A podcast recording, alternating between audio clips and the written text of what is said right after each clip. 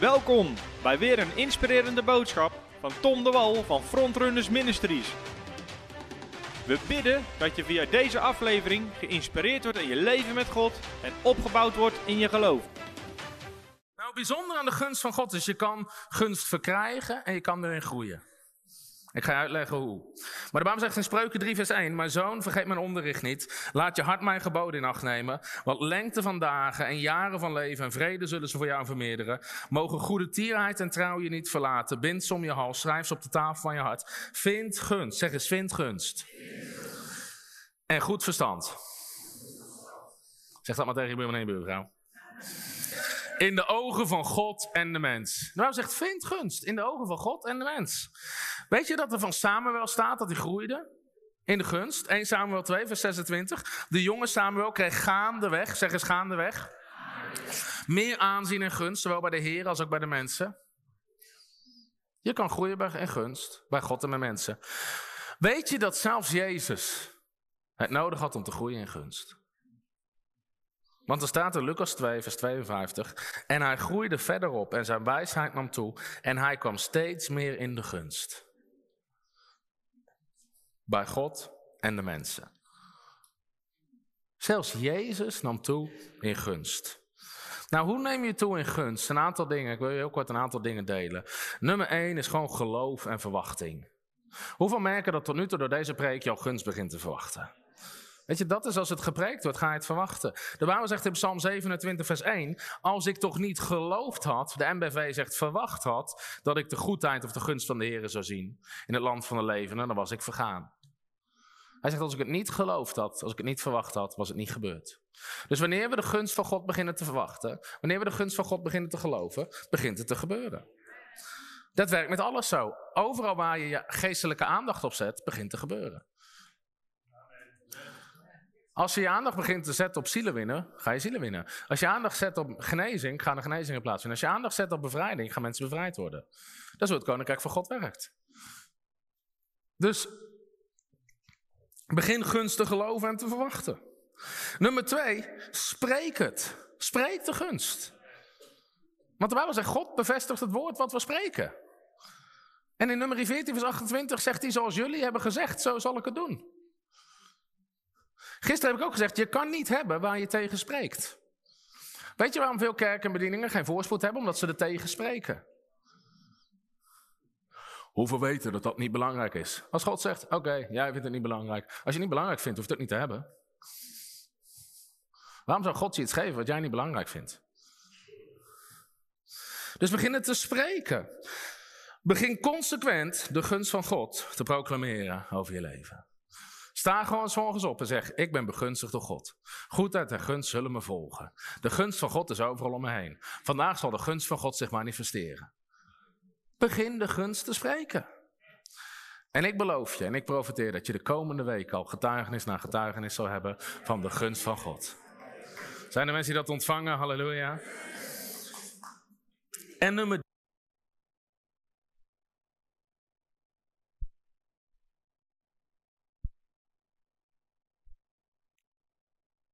is gunst, die meer en meer is toegenomen door dankzegging. Weet je, als, als je iemand bedankt, ontstaat er een verlangen in je om die persoon weer wat te geven. Wie heeft er wel eens iets gegeven aan iemand en er kwam niet eens een bedankje? Hoe voelde dat? Ondankbaar. Ontstaat er dan het verlangen van, nou laat ik die persoon nog eens een keer zegenen? Nee. Maar iedere keer dat God je gunst bewijst, zeg je, dankjewel. Dank u Heer, dit is uw gunst. Al zijn het kleine dingen, zijn het grote dingen, zeg je, dank u Heer, dit is uw gunst. Dit is de gunst van God. Heb geen God er gewoon voor?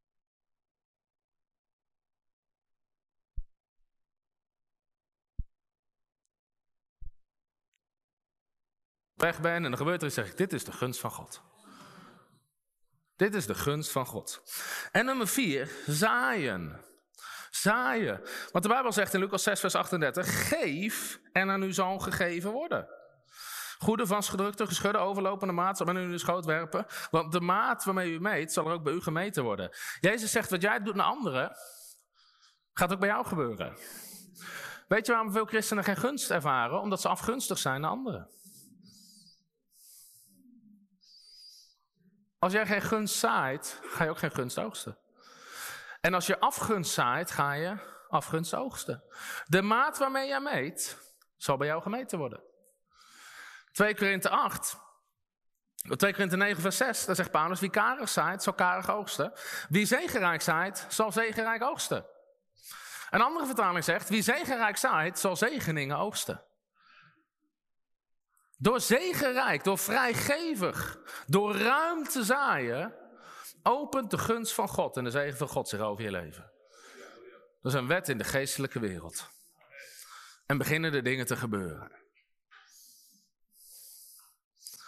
Weet je, ooit profeteerde Zoran. De eerste keer dat hij me zag, hij profeteerde. En dit is gewoon een grappig getuigenis. Hij profeteerde en zei: hey, ik zie een engel achter je staan. Die engel gaat overal mee waar je bent. Het is een engel van voorspoed. Hij zegt: Die engel doet twee dingen. Die opent deuren, die geeft gunst. En overal waar je bent, komt voorspoed. En dat was een mooie profetie. En op een gegeven moment zat ik te lezen in mijn in mijn Bijbel. Het grappige is als dat soort dingen geprofiteerd wordt, zeggen mensen, waar zie je dat soort dingen in de Bijbel? Nou, er zit heel vaak een verschil tussen wat mensen denken wat de Bijbel zegt en wat de Bijbel zegt. Ik zat op een dag te lezen in Genesis en ik kwam deze tekst tegen. Genesis 24, vers 40. En hij zei toen tegen mij: De Heer voor wiens aangezicht ik gewandeld heb, zal zijn engel met u meesturen en hij zal uw weg voorspoedig maken. Halleluja. Daar is hij in de Bijbel, de engel van voorspoed. Weet je, en als je dankbaar bent, als je het spreekt, als je het gelooft, als je geeft, gaat God engelen aan je toewijzen. Die gewoon met je meegaan en dingen veroorzaken. Halleluja. Nou, ik wil afsluiten door tien dingen die de gunst van God doet. En ik hoop dat je dit in geloof ontvangt. Zijn de mensen klaar om in geloof te ontvangen? Tien dingen die de, die de gunst van God in je leven zal doen. Nummer één. Gunst haalt al het gebrek weg. Gunst haalt al het gebrek weg. Handelingen 4, vers 33. De apostelen bleven met grote kracht getuigen van de opstanding van de Heer Jezus. En God gunst, God begunstigde alle rijkelijk. En niemand onder hen leed enig gebrek. Zie je, er zit vaak een verschil tussen wat mensen denken wat de Bijbel zegt en wat de Bijbel zegt. Hoeveel weten dat de kerk in handelingen arm was? Niemand onder hen leed enig gebrek.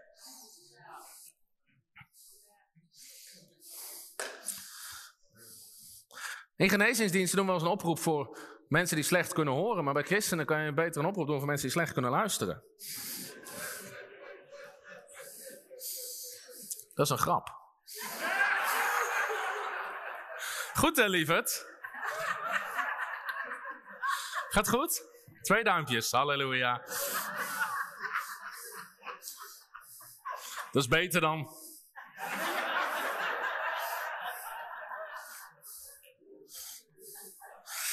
Gods gunst verwijdert gebrek en tekort. Als God je gunst bewijst. Weet je, de gunst van God is op je. Wat de omstandigheden ook zijn. Daarom ga ik zondagavond ook spreken over hoe je als christen in crisistijd juist kan opbloeien. Dat is de gunst van God. In Handelingen 28, dit is vind ik een schitterend verhaal.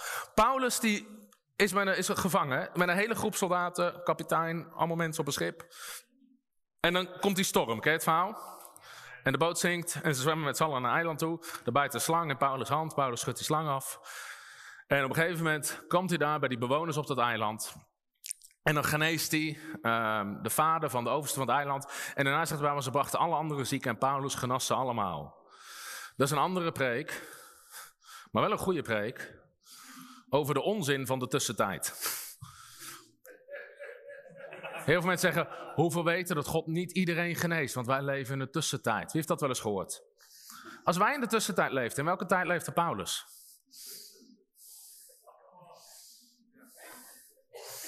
Andere preek. Maar ik ga een boek schrijven, nog een boek over genezing. Heeft God op mijn hart gelegd waar we al die religieuze leugens gewoon eruit gaan gooien. Het zijn allemaal excuses. Het zijn allemaal excuses. En het slaat nergens op. Daar moeten we de kerk uitslaan. Amen. Handeling 28, vers 9. Toen dit nu gebeurd was. Je moet je voorstellen, Paulus heeft schipbreuk geleden. Je hele boot ligt op de bodem. Je hebt niks meer, je hebt geen kleren, je hebt helemaal niks. Niemand heeft daar iets. De hele groep die zit daar zonder kleren, zonder eten, zit daar met helemaal niks. Maar Paulus heeft de gunst van God. Zeggen ze de gunst van God. En als je niks hebt, haalt de gunst van God, haalt al het gebrek weg. Want er staat er toen dit nu gebeurd was, kwamen ook de anderen op het eiland die ziekte hadden naar hem toe. En zij werden genezen. Ook vereerden zij ons met vele eerbewijzen. En toen wij weg zouden varen, verschaften zij ons wat nodig was. Hier zie je, zit een verschil tussen eerbewijzen en wat nodig is. Ze gaven ze eerst allerlei eerbewijzen. Gewoon dingen om ze te bedanken. Ik weet niet wat ze gaven. Misschien in deze tijd. Hier, Paulus, heb je een fiets. Hier heb je een horloge. Hier heb je een MacBook. Hier heb je een iPhone. Allemaal eerbewijzen. Gewoon cadeaus. Ik weet niet wat ze in die tijd hadden. Hadden ze ook al tablets, maar, uh, maar andere dingen. Maar gewoon eerbewijzen. Ze begonnen. Weet je, in Nederland kunnen we weer leren om mensen gewoon eer te bewijzen kunnen gewoon leren om mensen eer te bewijzen. Bewijs gewoon eer. De Bijbel zegt, ga elkaar voor in eerbetoon. In andere woorden, een wedstrijdje hoe je elkaar het meeste eer kan bewijzen. En hier gaven ze Paulus veel eerbewijzen. Cadeaus, cadeaus, cadeaus, cadeaus. Op een gegeven moment zegt Paulus: Oké, ik moet er weer vandoor. Oké, nu geef je alles wat nodig is voor de terugreis. Je moet je voorstellen, die mensen die op Paulus en die uh, andere mensen stonden te wachten. Ze gingen weg met een ene boot. Ze komen aan met een totaal andere boot. Armen vol cadeaus, allerlei dingen die nodig waren. En Paulus, de gevangene, die loopt als eerste met tassen en rugzakken vol cadeaus die boot af. Want de gunst van God was op hem. Amen.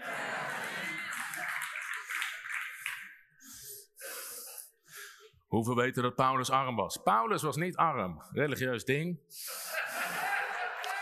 De stadhouder Felix hield hem twee jaar gevangen in de hoop geld van hem te krijgen. Als je geen geld hebt, ben je heel dom als iemand twee jaar vasthoudt en een hoop geld van hem te krijgen. De Bijbel zegt in handeling 28, het laatste hoofdstuk, Paulus bleef twee jaar lang in zijn eigen gehuurde woning. Als je geen geld hebt, kan je geen woning huren. Amen, krijg je er gratis bij. Het haalt al het gebrek weg. Zijn er mensen, ik weet niet of er gebrek is in je leven, maar vanaf dit moment, de Heer is je herder en vanaf nu ontbreekt jou niets. Goedheid en gunst zullen je volgen. Al de dagen van je leven. Halleluja. Ik bid dat je je tent oppakt en je caravan en verdwijnt van de camping Dal van Dorheid. Een paar haltes opschuift en gaat kamperen waar de goedheid en gunst van God is. Halleluja. Halleluja. Nummer twee, tweede ding van gunst. Je krijgt lekker dingen die je niet nodig hebt. Halleluja.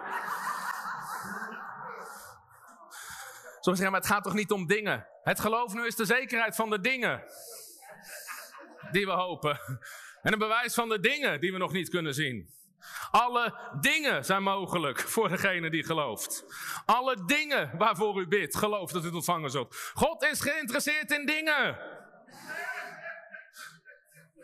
Hebben we gisteren ook gezien onder de zegen van Abraham. Een van de aspecten van de zegen van Abraham is een lekker ding als vrouw. Sarah was zo knap dat toen ze 90 was, die koning nog steeds met haar wilde friemelen. Kijk eens naar je vrouw en zeg: Ik heb de zegen van Abraham. Kom op, mannen, dit is je kans voor een goed compliment. Mijn vrouw zit zo.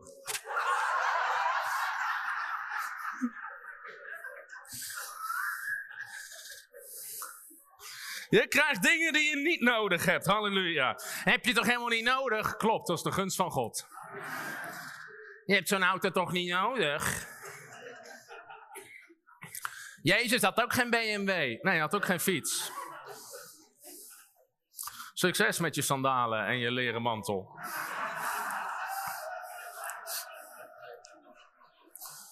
Ik hoorde jaren terug een verhaal van twee predikers die ver weg moesten spreken in Amerika. Ze gingen met de trein. De eerste boekte een eerste klas ticket waar hij kon slapen. Dit was echt, het is echt 70 jaar terug waar hij kon slapen. Kwam uitgerust aan. De ander, weet je, om geld te besparen, ging achter in de trein zitten. Ze komen aan, ze moeten allebei preken. En de ene zegt, ik kan niet preken, mijn hele lichaam is verrot. Ik moet eerst drie dagen bijkomen. En dan zegt hij, ik ben fit. Hoezo ben je fit? Oh, ik heb gewoon kunnen slapen. Slapen? Ja, ik had eerste klas. Dat kan je toch niet doen met het geld van de Heer? Weet je, heel veel christenen denken zo. Maar God is meer geïnteresseerd in jouw lichaam en in jouw rust dan goedkoop. Heel veel christenen denken, de Nederlandse christenen, als ze later voor de troon van God staan, dat Jezus zegt goedkoop gedaan, trouwe dienstknecht.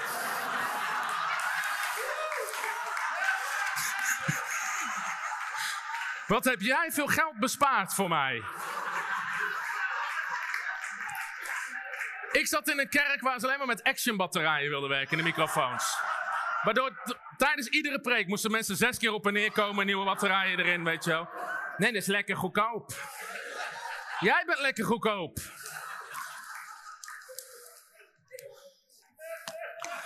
Ah, we, we hebben strijd. Nee, je hebt een mengpaneel uit 1904.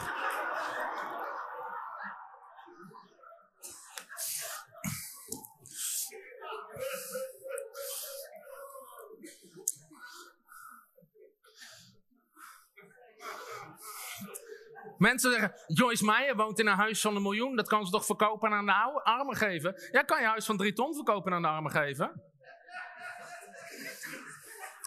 Weet je, de Bijbel zegt, u die anderen veroordeelt, doet u zelf niet dezelfde dingen?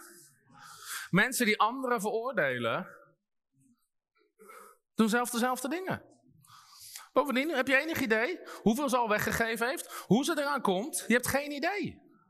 En dan kan je er beter niet mee bemoeien. Weet je dat er een tekst is in de Bijbel die zegt: Wees geen bemoeial? Mensen lachen, nou ga ik je laten. Nou, dit is, dit is een schokkende tekst. Dit is, geen, dit is geen grap. Dit is geen grap, lieve mensen. Lieve mensen, dit is geen grap. Nu even serieus, alsjeblieft. Ik probeer te preken hier. En jullie zijn alleen maar aan het lachen. Ik heb hier een serieuze boodschap van de Heer, lieve mensen. Ga maar eens mee naar Petrus.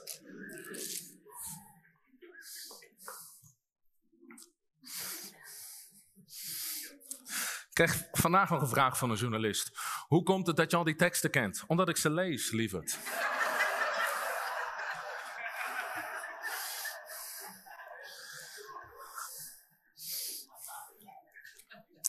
1 Petrus 4, vers 15. Nou, dit is een serieuze tekst. Zeg eens tegen je buurman dit is een serieuze tekst.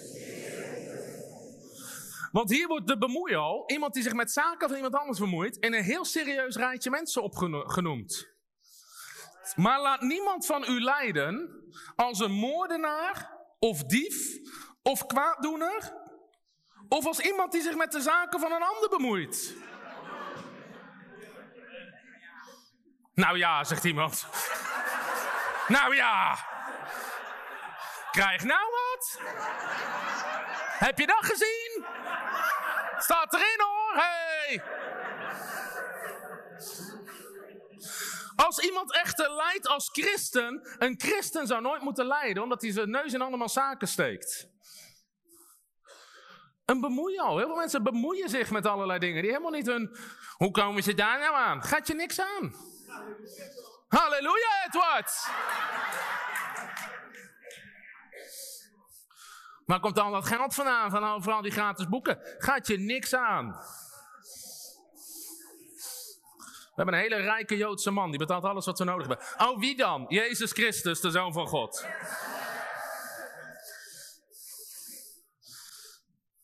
Nou, mensen bemoeien zich met dingen. Kenneth Copeland heeft een privéjet.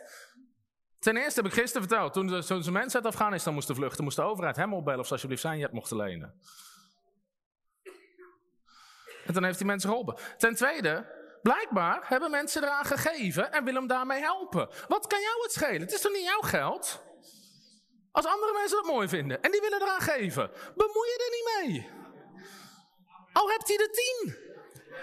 Als je niks vindt, geef je er niet aan. Het is toch niet zo heel moeilijk?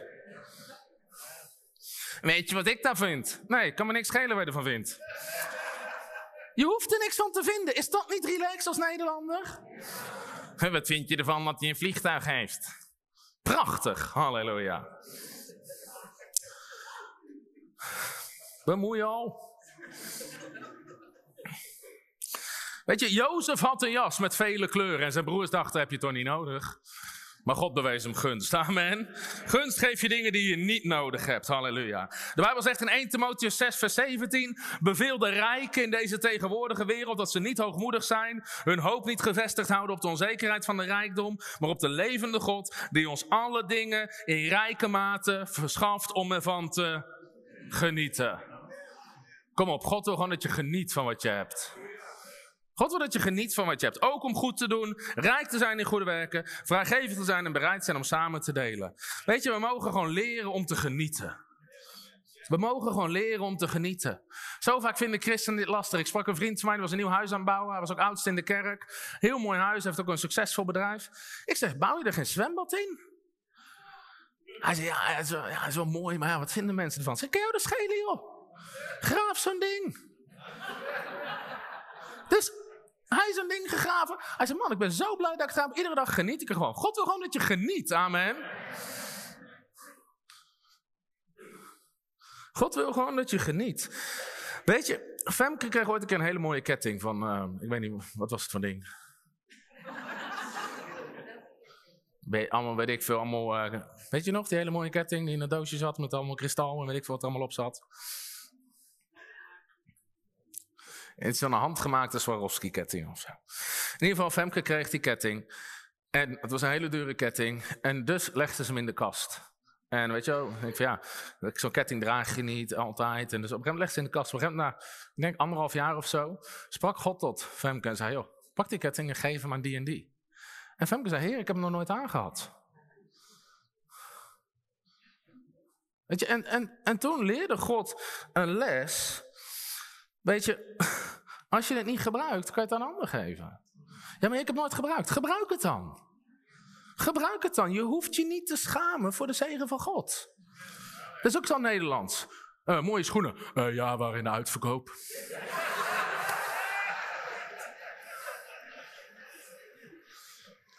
Wat?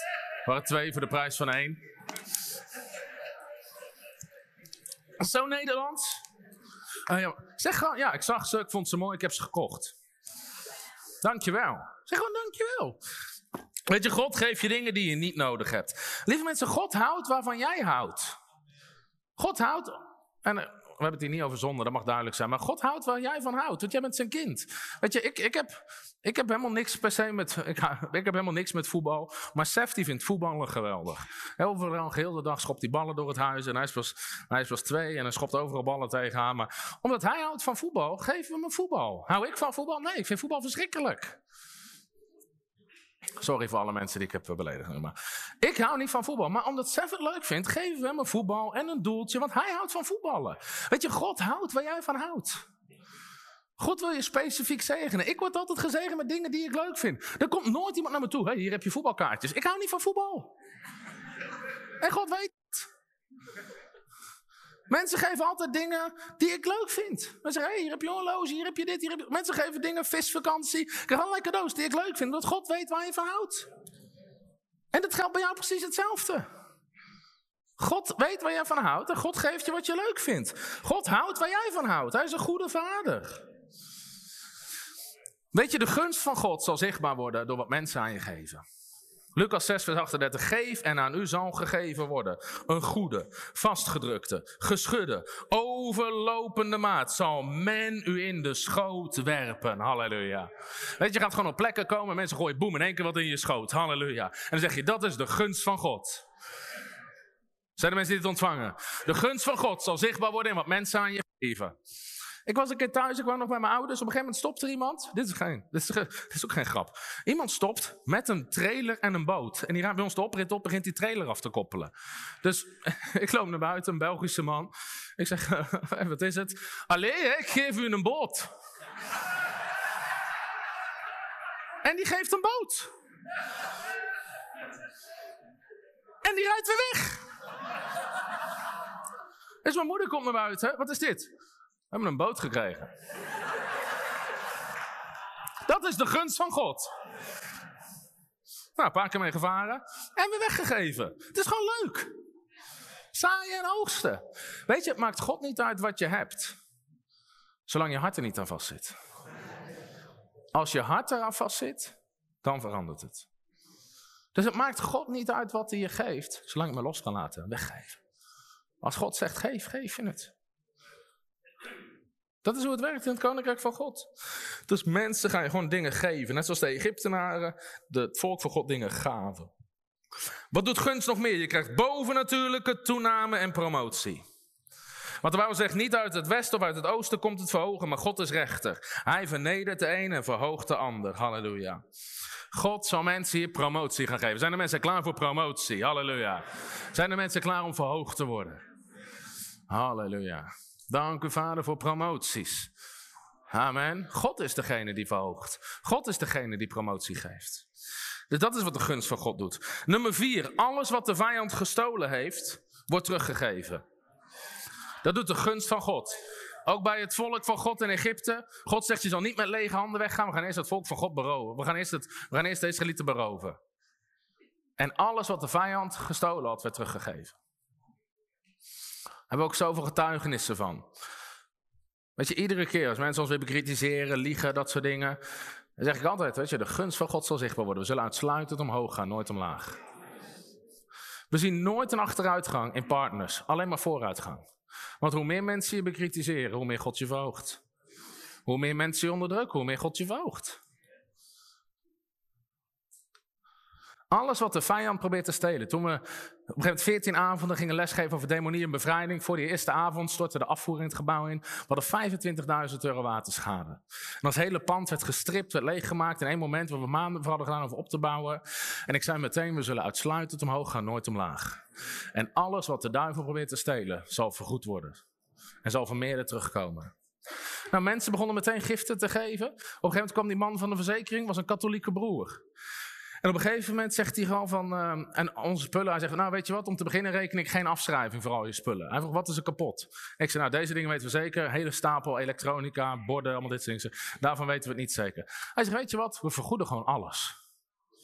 En er was een whiteboard, die hebben we nu nog, was echt een heel klein beetje krom, de poot. Hij zegt, oh ja, die poot is krom, nieuw whiteboard. en uiteindelijk hebben we winst gemaakt op de schade die de duivel probeerde te doen. Dat is de gunst van God. Amen. Dat is de gunst van God. Wat doet gunst nog meer? Je krijgt eer en wordt verhoogd voor de ogen van je vijanden. God maakt een tafel gereed voor de ogen van je tegenstander. Halleluja. Hoe meer mensen je onderdrukken, hoe meer God zegent.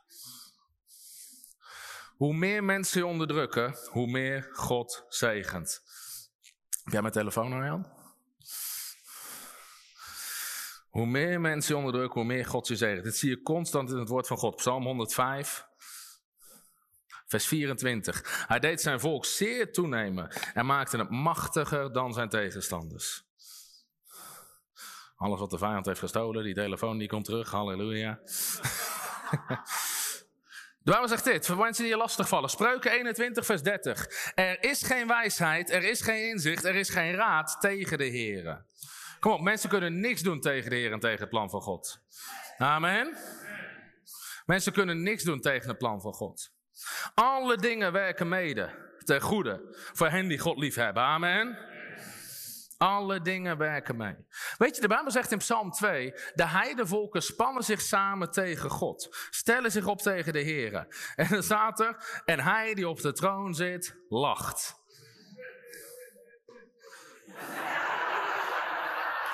Hebben we een microfoon voor Cybrand. Ik denk dat God een beetje dezelfde lach heeft.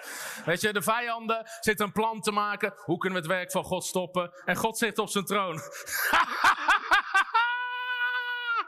ah, weet je, God, zit, God lacht zijn vijanden uit. Halleluja. Nummer 6. Je krijgt grote overwinningen midden in lange tegenstand, zelfs als je het nadeel lijkt.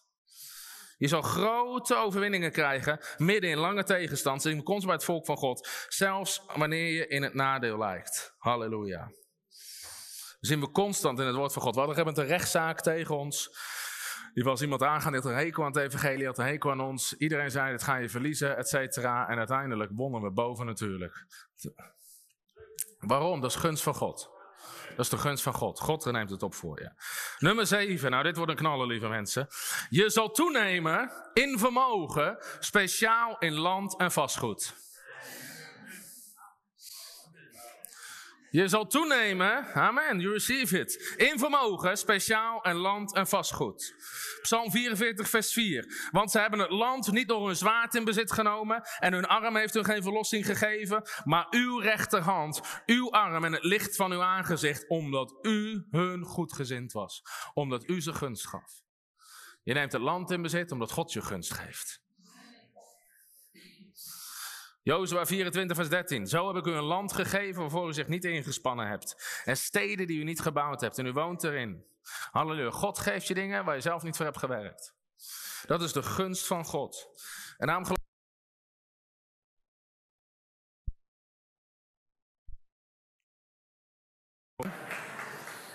De beste gebouwen zullen voor het koninkrijk van God zijn. Zeg eens, de beste gebouwen zullen voor het koninkrijk van God zijn. Amen. In Nederland en in België zijn er Belgen. Amen, halleluja. Hoe lang hebben jullie gereden? Twee uur, halleluja. Prijs God. Ook in België, gebouwen gaan gewoon komen in, in de handen van de kinderen van God. Amen. De beste gebouwen. De beste gebouwen. Weet je, we hebben dat pand wat we nu hebben gekocht. De gemeente wil zich er heel erg mee bemoeien. Aan de ene kant. Weet je waarom? Het is de mooiste zichtlocatie van het dorp. Iets wat niemand anders kon krijgen, is in onze handen gekomen. Door de gunst van God. Uh, ja, ja, dat is wel een zichtlocatie. Prijs God. Laat iedereen maar goed kijken. Weet je dat we hebben 10.000 vierkante meter weiland erbij gekocht. En er zit een parkeervergunning op. Nou, normaal gesproken als je bouwgrond moet kopen om te veranderen in parkeerplek, ben je 200 euro, 230 euro de vierkante meter kwijt. Dus voor 10.000 meter ben je dan alleen nog 2,3 miljoen kwijt. Is nog niet geasfalteerd, er is nog steeds gras. Alleen om te parkeren.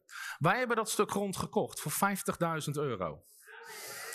In plaats van 2,3 miljoen, 50.000 euro. En nu al die ambtenaren op dat project. Uh, ja, ja, er zit een parkeervergunning op, maar dat, uh, weet je, ja, hoe, iedereen zegt, hoe is die er doorheen gekomen? Dat kan helemaal niet, dat hoort helemaal niet, maar hij zit erop. Halleluja. Dat is de gunst van God. Dat is de gunst van God. Deuteronomium 6, vers 11 je zegt: Je zult goede huizen bouwen en daarin wonen. Amen. Ja, mag ik Ik heb deze ook eerder laten horen, maar dit is grappig. Over dat de gunst van God. Sommige mensen weten wat er gaat komen. Over hoe meer mensen je onderdrukken, hoe meer mensen je haten, hoe meer God je zal zegenen. Amen. Iemand stuurde mij een keer dit door. Dat was weer een of andere. Even kijken of ik hem snel kan vinden hoor. Een of andere podcast of zo was het. Dit is gewoon leuk. Wat mij zo frustreert is dat deze organisatie, deze frontrenners, toch enorm aan het groeien is. Hè? Echt enorm. Ik volg hem nou al, wij volgen hem nou al een jaar of twee, drie geloof ik. Laatste jaar wat meer. En uh, ja, het is toch wel enorm aan het groeien hoor. Wat mij zo frustreert, is dat deze organisatie. Want als de duivel een schoonmoeder had, zou ze zo klinken. is dat ze toch enorm aan het groeien zijn hoor. Lieve schat, blijf je maar ergeren, blijf je maar frustreren, want we gaan uitsluitend omhoog en nooit omlaag. Halleluja.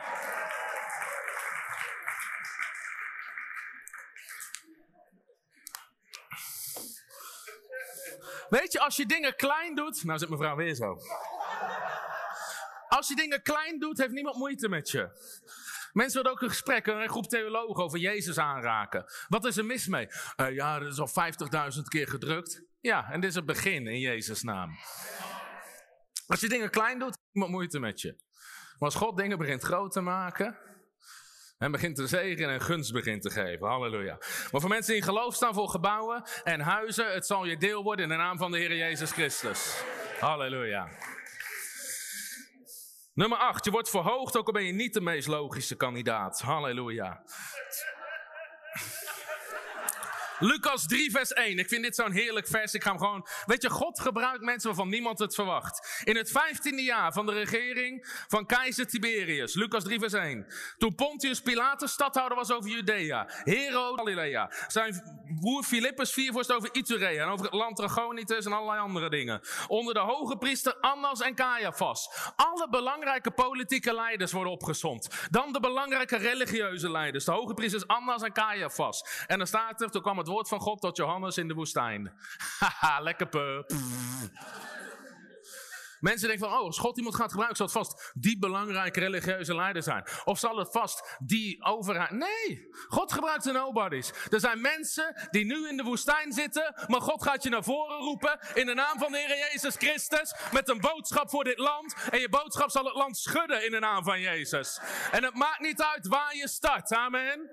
Johannes begon in de woestijn en er kwamen hele menigtes. Mensen zeggen, waarom bouwen jullie een nieuw gebouw in Dussen, in zo'n klein dorpje? Waarom zit je niet midden in de Bijbelbelt? Omdat we hoeven niet midden in de Bijbelbelt te zitten. Waar we ook zitten, waar God je ook plaatst, dat is waar de mensen heen zullen komen. Want God roept je, God zalft je. Je bent niet geroepen door mensen, niet vanwege mensen, maar door de Allerhoogste God in Jezus' naam. Halleluja. En ik geloof in Nederland dat er veel nobodies zijn die de kerk het liefste wegschuift. Mensen die ze lastig vinden, maar God gaat ze oprichten. Tot mannen en vrouwen van God. Er zal een hele transitie komen in dit land. Van mensen die nu aan de voorgrond staan, zullen vervangen worden door mannen en vrouwen van God. Vervuld met de geest van God. Vervuld met geloof. Vervuld met het woord van God. Halleluja. In de naam van de Heer Jezus Christus. Halleluja. Halleluja. Roep eens gunst. Lekker. Halleluja. Je wordt verhoogd, ook al ben je niet meest gunstige kandidaat. Nummer 9. Sommige gevechten hoef je helemaal niet te vechten, want God doet het voor je. Halleluja. God vecht voor je. Je hoeft jezelf niet te verdedigen. God verdedigt je. God verdedigt je. Halleluja. Nummer 10. Nou, als je deze hoort, sta ik op je stoel te springen. Het vermogen van de heidevolken zal naar je toe komen. Halleluja. De Bijbel zegt, de goede mens doet zijn kleinkinderen erven. Het plan van God is niet dat je een GoFundMe nodig hebt op de dag dat je overlijdt voor je begrafenis. Het plan van God is dat je erfenis zo rijk is dat je kinderen en je kleinkinderen ervan zullen erven in de naam van de Heer Jezus Christus. Halleluja! En het vermogen van de heidevolken ligt opgestapeld voor de rechtvaardige. Is weggelegd voor de rechtvaardige. Prediker 2 zegt dit. Halleluja. In vers oh, 26. Want hij geeft wijsheid, kennis en blijdschap aan de mens die goed is voor zijn aangezicht. Aan de zondaar echter geeft hij de bezigheid om te verzamelen en te vergaren. Om te geven aan wie goed is voor Gods aangezicht. Om te geven op wie de gunst van God is. Halleluja. Er zijn zondaren bezig met verzamelen, met werken, met vergaren maar het zal in jouw handen komen in de naam van de Heer Jezus Christus. Halleluja. Dat is het plan van God. Halleluja. Halleluja. Zeg eens halleluja.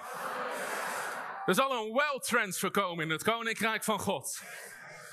Er zal een wealth transfer komen in de naam van de Heer Jezus Christus. Het enige nadeel aan gunst is dat het jaloezie opwekt. Bij de oudste zonen. De oudste zoon werd jaloers toen de jongste zoon gunst kreeg. Toen hij iets kreeg wat hij niet verdiend had. Toen God hem zegende. Toen God het beste, ik wou zeggen paard van stal, maar die slachters niet, het beste kalf van staal haalde. Toen werd de oudste zoon jaloers. Wat God gaat doen de komende tijd, oudste zonen zullen er niet mee kunnen dealen. Dus bereid je maar voor dat mensen jaloers zullen worden. Waarom? Gunst is niet eerlijk. Wie denkt u wel dat hij is? Begunstigd door God. Dat is de gunst van God. Zegt dat is de gunst van God. Jezus zei al, je zal honderdvoudig in deze tijd ontvangen, Marcus 10 vers 30. En vervolgingen, met vervolgingen. Ik heb het gisteren ook gezegd, een van de redenen dat mensen voorspoed niet pakken in Nederland, is omdat ze denken dat voorspoed en vervolging tegenover elkaar staan. Jullie geloven in voorspoed, maar de Bijbel belooft ons vervolging. Het belooft ons het allebei, lieve schat. Jij zegt, je zal honderdvoudig ontvangen nu in deze tijd met vervolgingen. Abraham was gigantisch voorspoedig en hij werd vervolgd. Isaac zaaide, hij oogste honderdvoudig en de Filistijnen werden jaloers op hem. Weet je, de Bijbel zegt in Psalm 112, gaan we nu niet lezen, maar er staat de Heere zegen te rechtvaardigen. In zijn huis zal groot bezit en rijkdom zijn. De goddeloze zal het zien en knarsen tanden.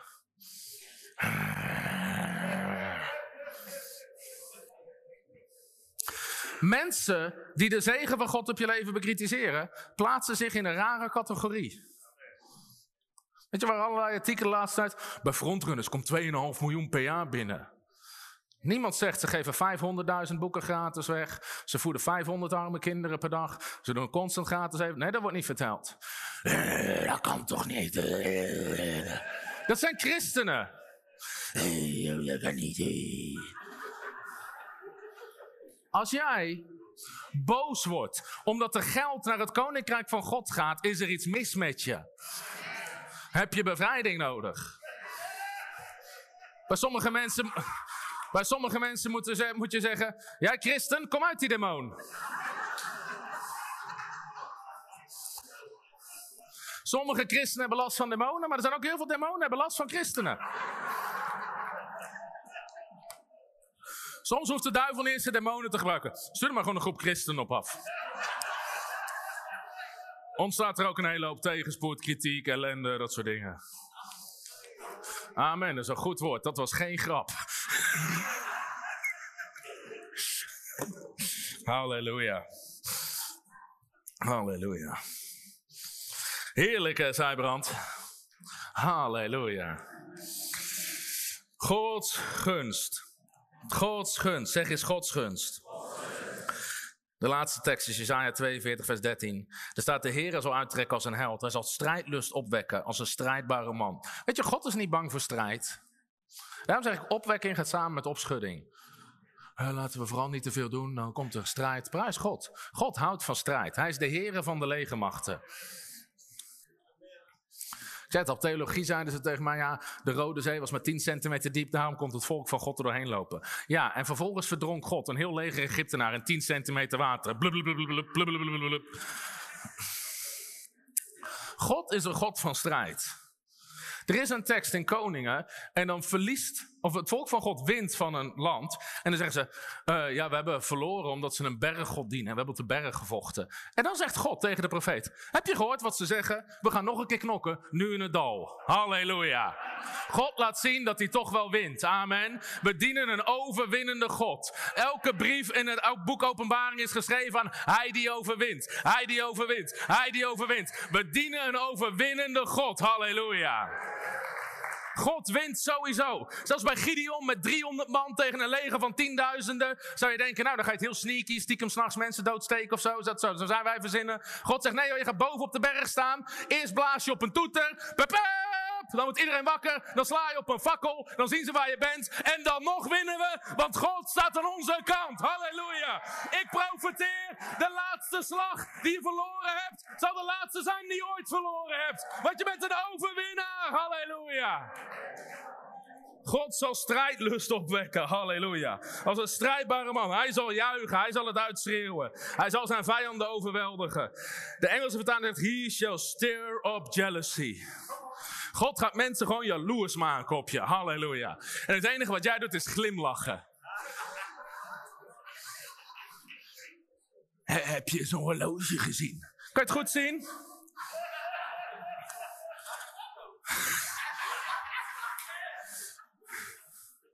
God gaat mensen gewoon jaloers maken. Hier sluit ik mee af. Weet je wat het is? Het enige wat wereldse mensen kennen is geld. Enige waar ze dingen mee gedaan krijgen is geld. De enige currency die ze kennen. Dus, zodra ze mensen zien wandelen in geloof, in gunst en zegen, snappen ze het niet en denken ze dat ze met geld werken. Omdat ze heel de geestelijke kant niet snappen. Dus ze projecteren dingen. Het draait alleen maar om geld. Nee, het heeft niks met geld te maken. Alleen dat is het enige waar jij door kan denken door dat kanaal. Het is het enige waardoor jij denkt dingen kan gebeuren. Dat is sommige kritiek. Ze vragen gigantisch veel geld voor hun bijeenkomsten. Als je bij ons aan de deur 100 euro hebt betaald om binnen te komen, ben je opgelicht door een junk. Er heeft nog nooit iemand een euro betaald om bij ons op een conferentie te komen, in een genezingsdienst te komen, in een bevrijdingsdienst te komen, op bijbelschool te komen, wat dan ook. Voor de boeken niet, omdat er een ander betaalmiddel is. Dat is geloof. En dat is de zegen van God. En dat is Gods economie. Amen. Zijn mensen klaar voor de gunst van God? Halleluja. Geef God een heel groot applaus. Halleluja. Halleluja. Je zal de gunst van God ervaren in je leven. Ik wil zo meteen met z'n allen een proclamatie gaan uitspreken over de gunst van God. Maar voordat ik dat ga doen, wil ik vragen of iedereen even zijn hoofd wil buigen. En zijn ogen dicht wil doen. Want ik wil niet dat iemand naar huis gaat zonder deze kans die ik je vanavond ga geven. Ik ga drie categorieën mensen opnoemen. Als je in één van die drie categorieën valt, wil ik zo meteen met je en voor je bidden. Ik heb vanavond gesproken over het evangelie van Jezus Christus. Jezus die kwam. En hij kwam weer om onze relatie met God te herstellen. Daardoor kan je gunst hebben. Daarom is God je goed gunstig gezind. Niet vanuit onszelf, want de Bijbel zegt vanuit onszelf, door onze eigen zonde, door onze tekortkomingen, was er zelfs vijandschap tussen de mensen en tussen God. God is een heilig God, God is een rechtvaardig God en zonde maakt scheiding tussen de mensen en God. En de Bijbel zegt, alle mensen hebben gezondigd en missen daardoor de nabijheid van God. Iedereen heeft gezondigd in zijn leven. We zijn onterecht boos geweest, jaloers, wat dan ook. Iedereen heeft gezondigd. En daardoor missen we de nabijheid van God. En het probleem wat we hebben is dat we dat zelf niet op kunnen lossen.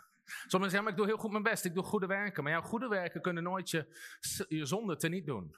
Daarvoor was iets veel krachtigers nodig dan jouw goede werken. En dat veel krachtigers is het bloed van de Heer Jezus Christus. Lieve mensen, er zijn duizend manieren om in de hel te komen. Er is één manier om eruit te raken. Dat is Jezus Christus accepteren als redder en verlosser. God wist dat de mensen een probleem hadden, dus hij stuurde zijn zoon. Die nooit gezondigd had. God zelf in de vorm van zijn zoon kwam naar deze aarde, had nooit gezondigd. Was volledig heilig en rechtvaardig. En toch stierf hij aan een kruis. Toch droeg hij daar de straf. Waarom? Als hij nooit wat mis had gedaan voor jou en voor mij. Daarom zegt de Bijbel al zo lief had God de wereld, dat hij gaf zijn enige geboren zoon. Dat ieder die in hem gelooft niet verloren gaat, maar eeuwig leven heeft. Wat God van je vraagt zijn niet je eigen goede werken. Wat God van je vraagt is dat je gelooft in zijn zoon die eigen zonde heeft in jouw plaats. En dat je zegt, Heer, ik geloof dat. Uw zoon voor mij is gestorven aan het kruis. Wil je confronterende vraag stellen als vanavond je laatste avond op aarde zou zijn? Zou je 100% zeker weten dat je voor eeuwig gered bent? En zo ja, op basis waarvan? Er is maar één offer wat die prijs biedt. Er is maar één manier, dat is Jezus Christus aannemen als Heer van je leven, als redder en verlosser. Dus jij hier zit, je hebt Jezus Christus nog nooit aangenomen als Heer van je leven, als redder en verlosser, nog nooit het offer wat God heeft aangeboden geaccepteerd, wil ik zo meteen met je en voor je bidden. Dat is de eerste categorie mensen. De tweede categorie, misschien zit je hier, want heeft je meegenomen hoe je hier ook gekomen bent, maar je bent ergens afgeraakt van God.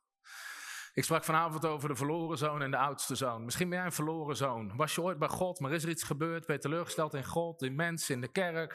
Is er iets ergs gebeurd in je leven? Iemand verloren, een scheiding of wat dan ook? En ben je daardoor afgeraakt van God? En weet je, mijn relatie met God is niet wat het zou moeten zijn. Ik ben als een verloren zoon die buiten het huis van de Vader leeft. En is vandaag jouw dag om terug te komen bij God. God staat met zijn armen wijd open. En net als in de gelijkenis wilde jou als verloren zo'n gunst bewijzen. Hij wil je herstellen in het huis van de Vader. God richt een feestmaal aan als je terugkomt. Daarom zegt Bijbel, er is meer feest in de hemel. Als er één zondaar tot bekering komt. Als iemand tot inkeer komt en teruggaat naar God. God is blij om zijn kinderen terug te zien komen.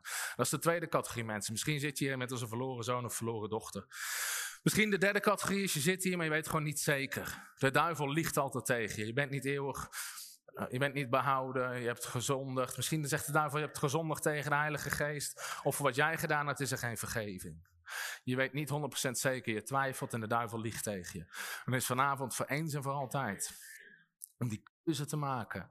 En openbaar te verklaren, zodat de duivel nooit meer tegen je kan liegen. Want van dat moment kun je zeggen, nee, ik heb daar gekozen. En je verwijst naar die plek. Als jij in een van die drie categorieën valt, of je hebt nog nooit je leven in Jezus gegeven, of je bent afgeraakt van God, of je weet gewoon simpelweg niet zeker, maar je wil vandaag bij God komen, steek op dit moment je hand in de lucht. Waar je ook bent, steek je hand in de lucht. Ik heb je hand gezien. Ik heb je hand gezien, ik heb je hand gezien. Zijn er meer mensen? Ik heb je hand gezien. Ik heb je hand gezien. Ik heb je hand gezien.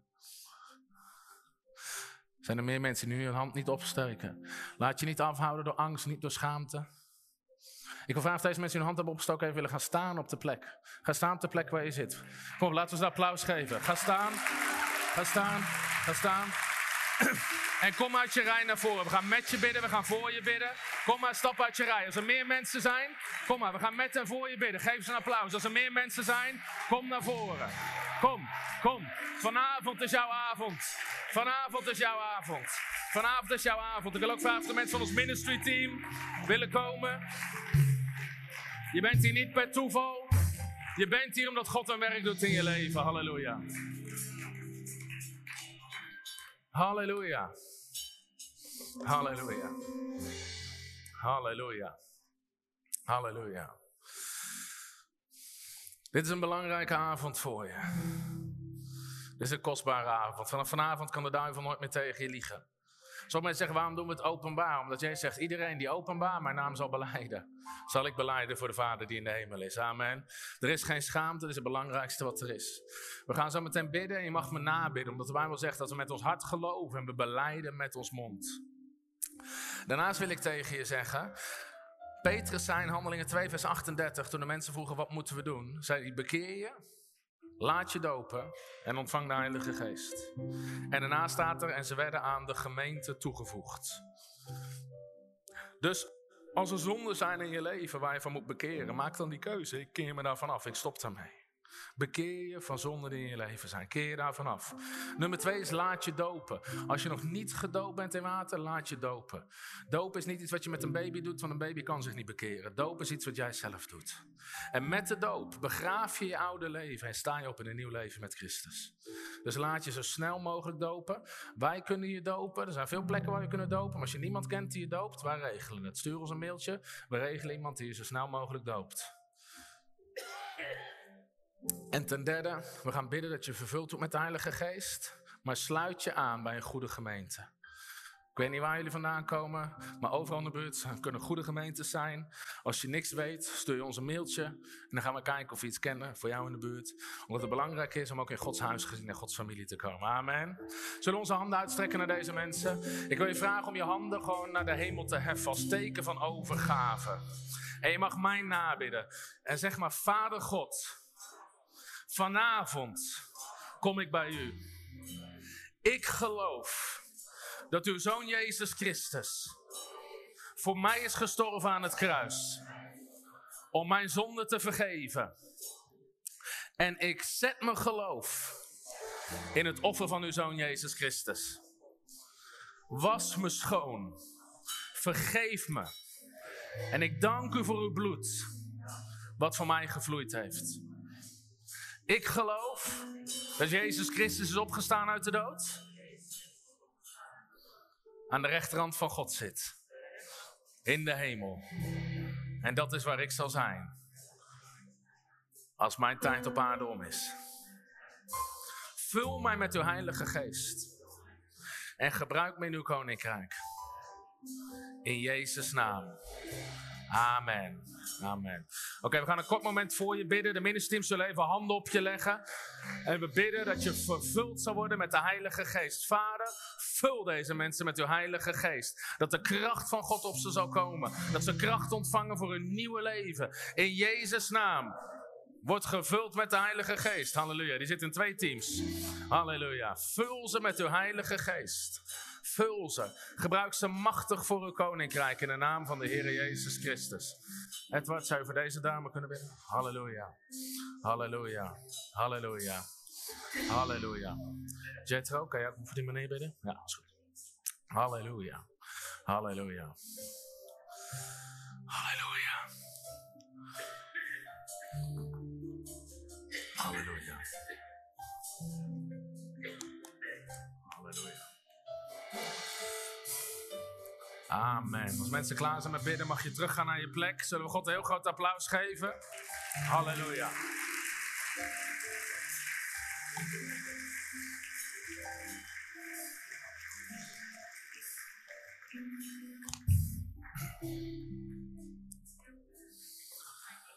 Dat is nog zo'n misverstand in de kerk.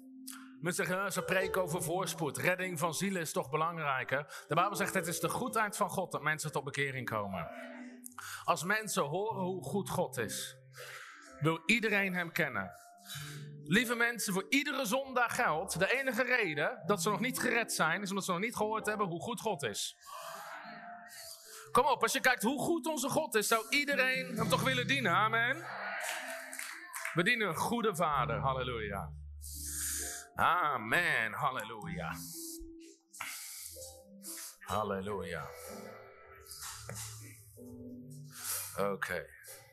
Ik wil zo meteen een proclamatie doen over de gunst van God op ons leven. Maar heb je iets ontvangen vanavond? Wie heeft er iets geleerd over de gunst van God? Halleluja. Wie is er enthousiast over de gunst van God? Stefan? Halleluja! Iedereen zegt halleluja! Amen. Oké, wat ik wil doen, is ik wil hetzelfde doen als gisteren. Ik wil kort onderwijs geven over offeren, over geven. Dan gaan we onze gift gereed maken. En na de proclamatie gaan we het dansend naar voren brengen. Dansend naar voren brengen, straks ons offer. Amen. Chloe was gewoon in shock. Dansen? Jij dacht dat je klaar was voor vanavond. Halleluja. Oké. Oké. Lezen. Nou, deze tekst hebben we al gelezen. Maar dit is Lucas 6, vers 38. Het zijn twee teksten die ik wil lezen. Misschien drie. Lucas 6, vers 38. Zegt deze eens met mij. Geef. Dit is geen optie. Zeg eens, dit is geen optie. Jezus zegt niet, geef misschien. Jezus zegt gewoon, geef. Zijn er gevers in het huis? Oké, dit is te zacht. In Engeland, de kerk waar Femke zat, als ze zeiden we gaan geven, begon iedereen te juichen en te klappen. Omdat God heeft de blijmoedige geven lief. Oké, nog een keer. Geef. Zijn er gevers in het huis? Halleluja. Dit is lekker niet Nederlands. Halleluja. En wat gebeurt er dan? Geef. En dan staat er en. Zeg eens en. Hé, hey, wacht eens. Als je geeft, begint er iets te gebeuren. Zeg eens tegen je buurman of je buurvrouw. Als je geeft, begint er iets te gebeuren. En dan staat er geef en aan u. Aan wie? Oké, dit is al beter. Aan wie? Halleluja. Aan wie? Halleluja. En aan u zal gegeven worden. Zeg eens, aan mij zal gegeven worden. Man, wat gaat er gebeuren als je thuis zo je Bijbel leest? Behalve dat de buren denken dat je gek bent geworden. De bezem tegen het plafond. Geef en aan mij zal gegeven worden.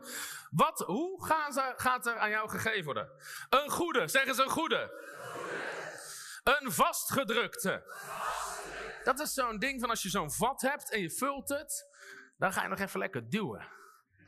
Wie doet dat thuis als met de suikerpot of met andere dingen, dat er nog net wat meer bij kan? Ga je nog even aanduwen. Dit is hoe God aan jou geeft. Kom op. Geven nu zal geven worden een goede. Zeg eens een goede. Een vastgedrukte. Zeg eens, God is wat hij aan mij gaat geven. Nog even lekker aan het vastdrukken.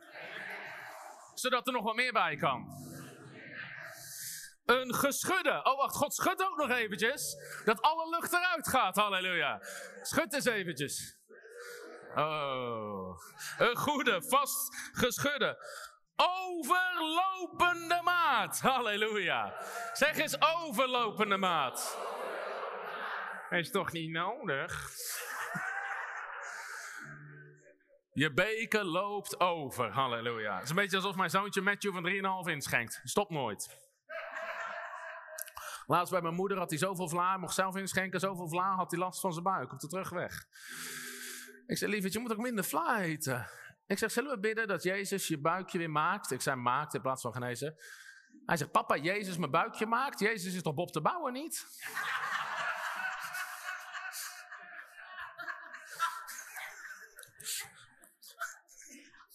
Heerlijk, kinderen.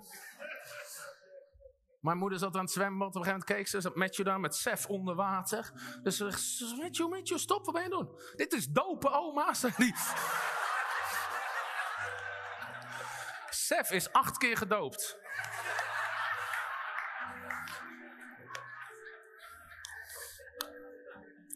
Wat met dezelfde, een goede overlopende maat zal men u in de schoot werpen. Zeg eens, een goede, vastgedrukte, geschudde, overlopende maat zal men u in de schoot werpen. Want met dezelfde maat waarmee u meet, zal er bij u gemeten worden. Oh, wacht eens even, voor wie is deze tekst? Dit, ja, dit is voor jou, maar er staat een voorwaarde. Want hoe jij geeft, de maat waarmee jij meet. Dus hoe moeten wij geven? Met een goede, vastgedrukte, geschudde, overlopende maat geven we. Zijn mensen nog steeds enthousiast? Oké, heel goed. Halleluja. En dan zal er bij u gegeven worden. Nou, ik wil vanavond het offer voor vanavond wijden aan twee dingen.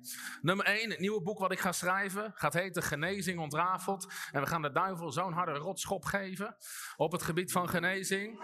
En alle religie en heilige koeien slachten die er nog zijn op het gebied van genezing. Mijn boek Jezus aanraken is een heel praktisch boek. Dus gewoon over iedereen, de, de, de, iedereen op de hoek van de straat, iedereen moet dat kunnen begrijpen.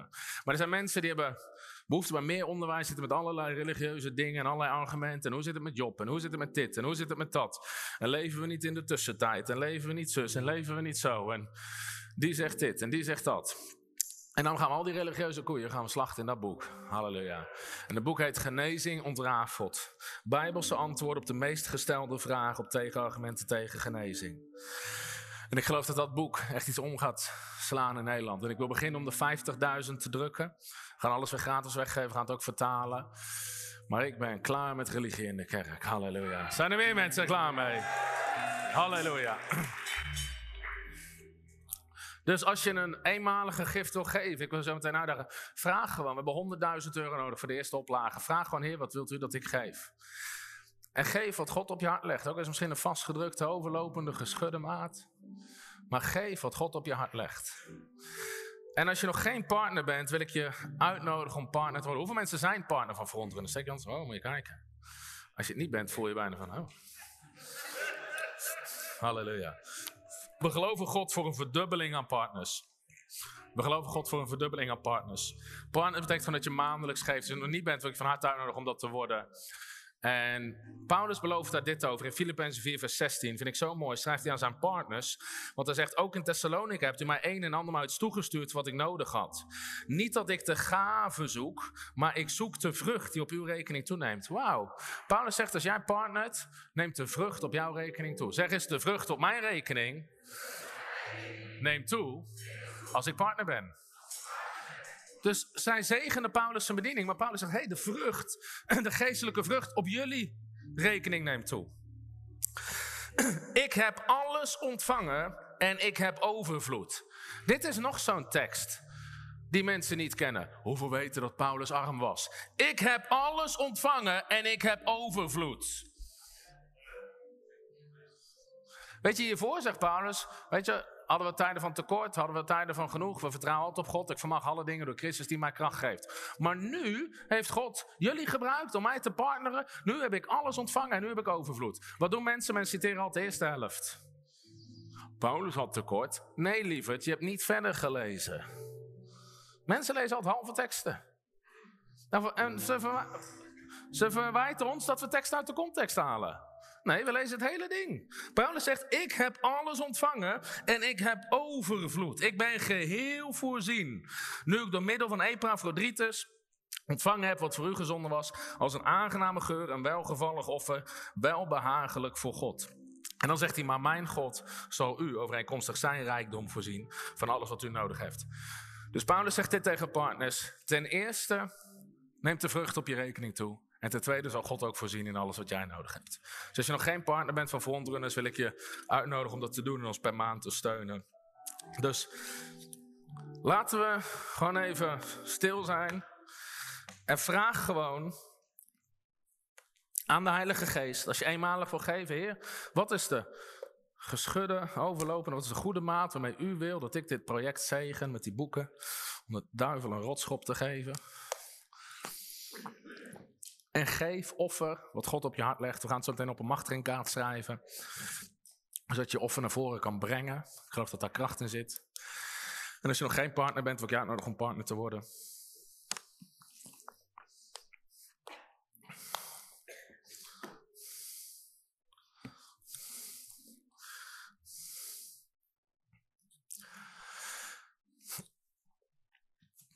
En als je hebt bepaald wat je wil geven, Laten we onze gift gereed maken. Machtigingskaarten liggen onder je stoelen. Kan je ze wel op aanwerken als je partner wordt of als je eenmalig geeft. Als je een pen nodig hebt, zwaai eens eventjes. Dan komt Edward hem dansend brengen. Kunnen we een muziekje even alvast hebben dat we een beetje dansend en juichend ons offer gereed kunnen maken? Amen. Hoeveel mensen hebben een pen nodig? Steek je hand in de lucht. Machtigingskaarten liggen onder je stoelen. We nemen gewoon even een moment om de machtiging gereed te maken. Zometeen gaan we de proclamatie doen. En daarna gaan we dansend ons offer naar voren brengen. Misschien kunnen we vast een keer het lied zingen om een keer een beetje erin te komen. Terwijl mensen hun gift klaarmaken.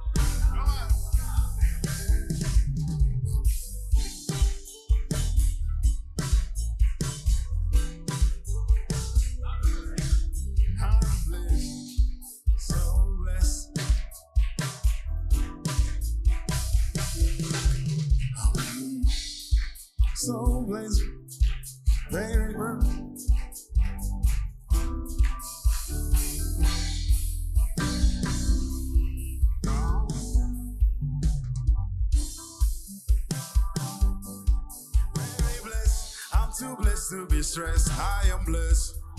So blessed. Very blessed. I'm so blessed. I am blessed. So blessed. Very blessed. 항상 blessing 있어 디노보다 너보다 디노보다 바카오마 새롭게 지지보라 지지보라 지지보라 지노보다 디노보다 바카오마 새롭게 I have good speed I'm wise. I won't settle for less. I have good speed I'm wise. I won't settle for less. I am sing high. Good speed. I'm wise. I won't settle for. I am, I have good speed. I'm wise. I won't settle for less. You know Buddha. You know Buddha. Baka Homa. Roma. Seruki.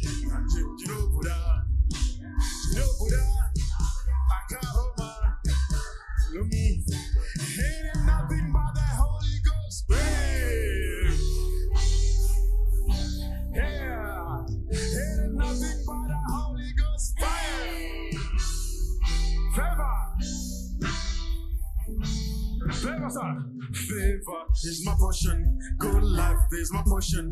All things are working together for my good. Favor, favor is my portion. Good life is my portion. All things are working together for my good.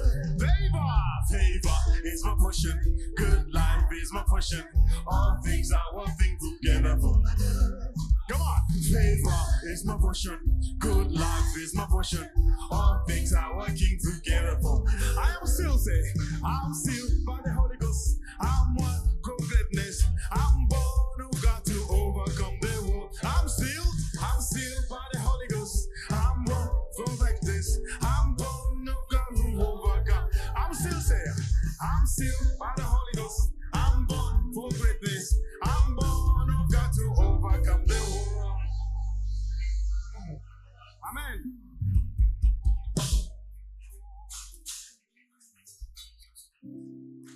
Amen.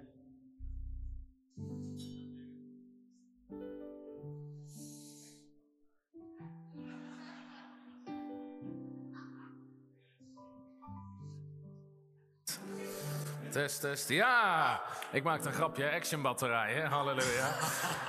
Oké, we gaan proclameren over de gunst van God. Ben je klaar om dit te proclameren over je leven? Zeg eens, de tijd van Gods gunst is gekomen. En Gods gunst is op mijn leven. Ik ben een gunsteling van God. Gods gunst is rondom mij. Gods gunst volgt mij. Alle dagen van mijn leven. Door Gods gunst krijg ik unieke kansen om voorspoedig te zijn. Gods gunst zal mij geven Wat geld niet kan kopen. Ik ben een vriend van God. En Gods onverplichte goedheid zal zichtbaar worden in mijn leven. Ik zal de verlangens van mijn hart krijgen. Ik heb bovennatuurlijk voordeel. Ik zal toenemen in gunst. De gunst van God zal alle gebrek weghalen. En door de gunst van God krijg ik dingen die ik niet nodig heb. Lekker pu. Dankzij de gunst van God heb ik bovennatuurlijke toename en promotie. Alles wat de vijand gestolen heeft, vorder ik terug in Jezus' naam. God maakt voor mij de tafel gereed voor de ogen van mijn tegenstanders. En dankzij Gods gunst zal ik altijd overwinnen. Ik zal eigenaar zijn van huis en land. En het vermogen van de zondaar is weggelegd voor mij. Als je het gelooft, geef God een heel groot applaus. Halleluja.